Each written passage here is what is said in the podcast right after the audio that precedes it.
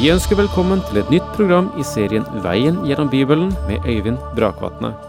Denne studieserien er produsert av P7 Kristen Riksradio og bygger på serien Through the Bible av Vernon McGee. I dag fortsetter vi med gjennomgangen av andre Mosebok.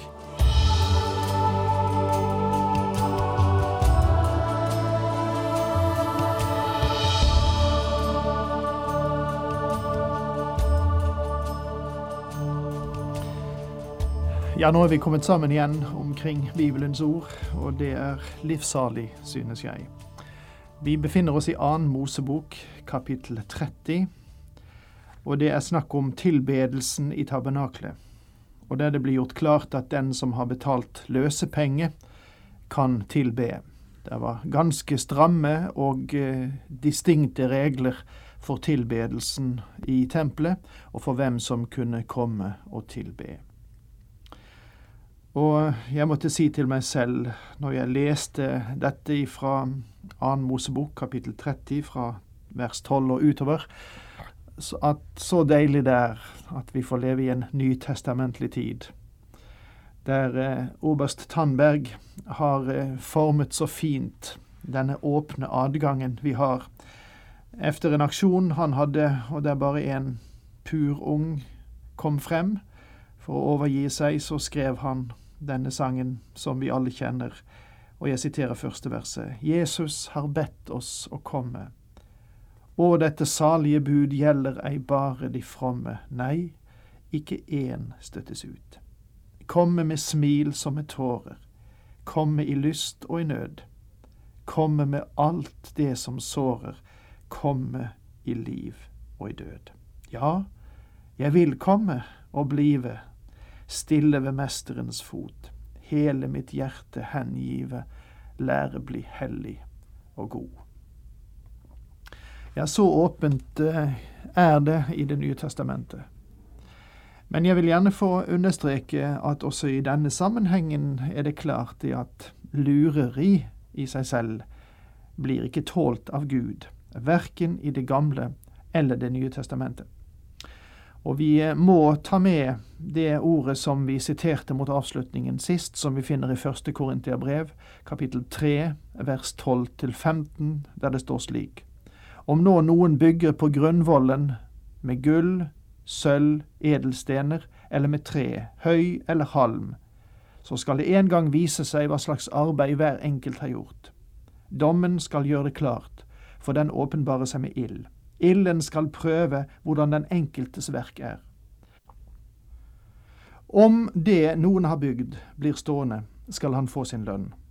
Dersom hans lønn brenner opp, må han lide tapet. Selv skal han bli frelst, men da som gjennom ild. Vedkommendes store gjerning beløper seg til ingenting i Guds øyne. I sammenhenger der vi synes at vi har gjort eh, det aldeles strålende. Gud ønsker at vi i vår tjeneste skal være rene. Prestene, får gå tilbake til tabernaklet nå, vi er fremdeles i kapittel 30. Prestene skulle vaske seg i vaskekaret, og vi skal komme til ham i bekjennelse og i bot. I 1. Johannes 1,9 sies det:" Men dersom vi bekjenner våre synder, er Han trofast og rettferdig, så Han tilgir oss syndene og renser oss for all urett. Dette vaskekaret av bronse er et bilde på vår helliggjørelse. Vi må renses om vi vil tjene Gud. Vi må renses om vi vil bli brukt av Gud. Vi må være rene. Ikke bare skulle våre klær, vårt liv, dufte av søt røkelse, våre legemer skulle være tvettet med rent vann. Dette vann er Guds ord. Vaskekaret var laget av ren bronse. Kvinnene brakte sine polerte bronsespeil som en del av materialet da vaskekaret ble laget. De hadde ikke speil slik som vi hadde i dag. Speilene åpenbarte smuss og skitt, og det var hensikten med vaskekaret. Vaskekaret renset prestene, og karet er et bilde på Guds ord. Bibelen er et speil og når vi ser inn i det, blir vår synd åpenbart. Og da trenger vi å bekjenne vår synd og bli renset. Nå bekjenner eh, du ikke din synd offentlig. Du går til Jesus Kristus i det skjulte med den. Vaskekaret, tvettekaret, er i himmelen. Noe av denne bekjennelse som vaskekaret eller tvettekaret står for, skulle prege alle møter vi er med på i den kristne menighet. Si ikke at du ikke blir skitten. Dine øyne blir skitne, ditt sinn blir smutsig, dine hender blir forurenset, dine føtter blir støvet, jo visst trenger du å renses. Jeg har ingenting mot jubel og glede og uttrykk for det i møter og gudstjenester. Men jeg har imot at jubelen skal komme til fortrengsel for boten og bekjennelsen. Da vil vi snart ha latter uten glede og fryd uten innhold. Gud aksepterer ikke tilbedelse før den kommer fra et renset hjerte, og han vil heller ikke akseptere vår tjeneste før den kommer fra et renset hjerte. Og Så går vi til det 25. verset i 2. Mosebok, kapittel 30. Av dette skal du lage en hellig salvingsolje, en kryddersalve, slik som salveblanderne gjør det. En hellig salvingsolje skal det være. Med den skal du salve møteteltet, paktkisten, bordet med alt som hører til, lysestaken med det som hører til, røkelsesalteret, brennofferalteret med det som hører til det. Hva betyr salvingen for oss i dag? Det er salving ved Den hellige ånd. Vi har en salvelse som setter oss i stand til å forstå Guds ord. Det er årsaken til at Bibelen er blitt gjort levende for så mange mennesker også i dag. Det er ikke kateketen eller predikanten i første rekke. Det er Guds ånd som bruker Guds ord. Bare Ånden kan salve deg. Du kan gå til Herren selv og si, Gud, åpne mitt hjerte og mitt sinn og mitt liv, så jeg kan forstå ditt ord. 1. Johannes kapittel 2 vers 20 sier, Men dere er blitt salvet av Den hellige og alle har dere kunnskap. 1. Johannes kapittel 2 vers 27 fortsetter med å si, Men dere har mottatt salving av ham. Den blir i dere, og dere trenger ikke at noen lærer dere, for den lærer dere om alt og er sannferdig og uten lønn. Bli da i ham, slik hans salving har lært dere. Den hellige ånd er den som kan åpne ditt sinn og ditt hjerte når du, sammen med Gud, går inn i Hans ord for å forstå det. Hvilken velsignelse Han kan tilføre ditt hjerte. Det er så mange mennesker i dag som spør hva dreier egentlig livet seg om? Hva skal jeg gjøre i dag? Hvordan skal jeg få formidlet mine behov? Å, mine venner, Be Gud la sin hellige ånd gjøre ordet virkelig for deres hjerter, og dere skal få kjenne hvordan den sanne glede er. Herren sa til Moses, ta deg røkelsesstoffer, balsam, myrraolje, harpik som lukter skarpt, og ren virak. Det skal være like mye av hvert. Av det skal du lage krydret røkelse, slik som salveblanderne gjør det, saltet og ren til hellig bruk. Noe av det skal du knuse smått og legge foran låven i møteteltet. Denne røkelsen som blir beskrevet for oss i vers 34, var lagd av søte krydderplanter, balsam, myrraolje og harpiks sammen med ren virak. Balsam var en harpiksaktig væske som sivet fra trær på Gileadfjellet.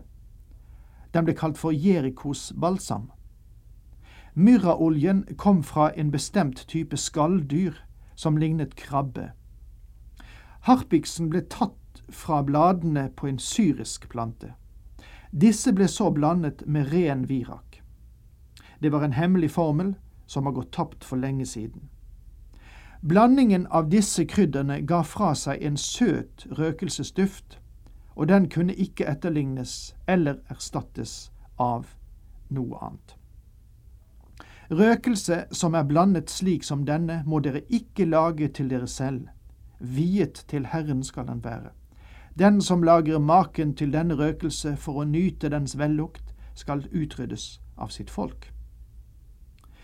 Ingen skulle lage røkelse etter denne formelen til eget bruk, og Herren ville heller ikke akseptere lureri.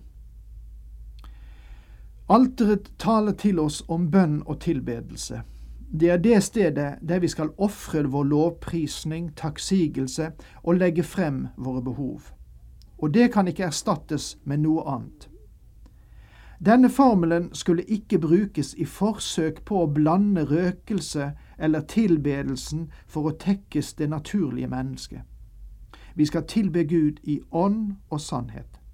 Vi kan ikke erstatte sann tilbedelse og redelig bønn med noen triks. Og heller ikke kan vi bruke kjødelige virkemidler for å lure folk inn i kirker og bedehus.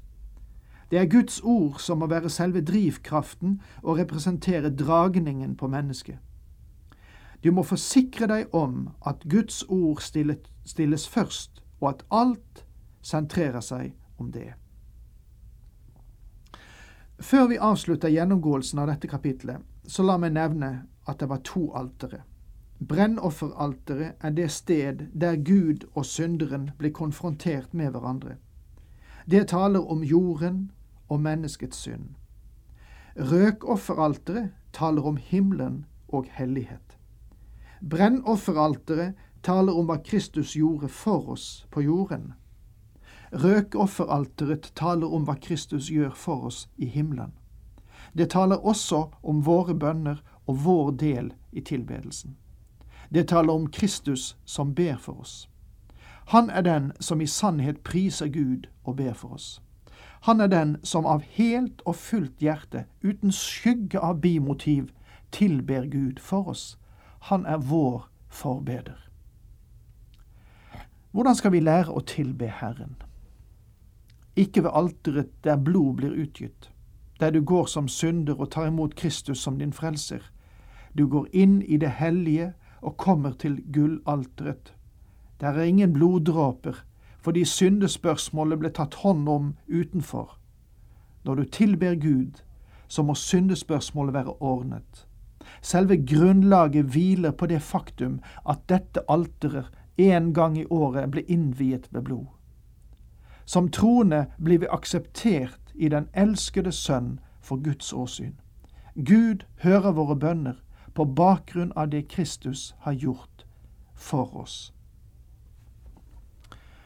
Og der eh, må vi si at vi forlater kapittel 30 i Annen Mosebok.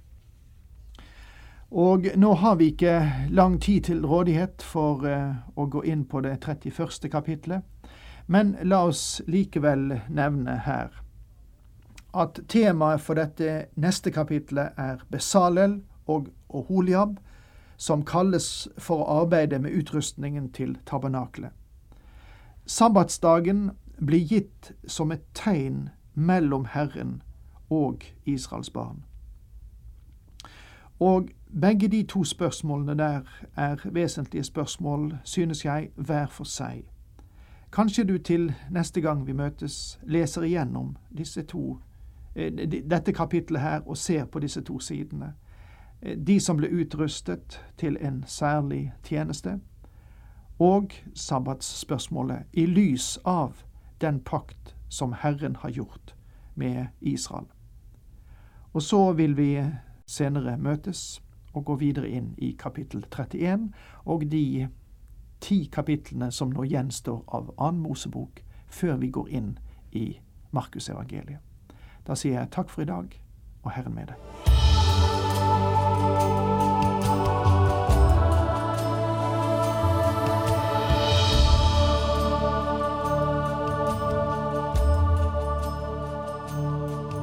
Du hørte Øyvind Brakvatne i studieserien Veien gjennom Bibelen. Serien bygger på et manus av Vern McGee. Har du spørsmål eller kommentarer til programmet, kan du sende en e-post til vgb krøllalfa p7.no. Takk for i dag, og på gjenhør.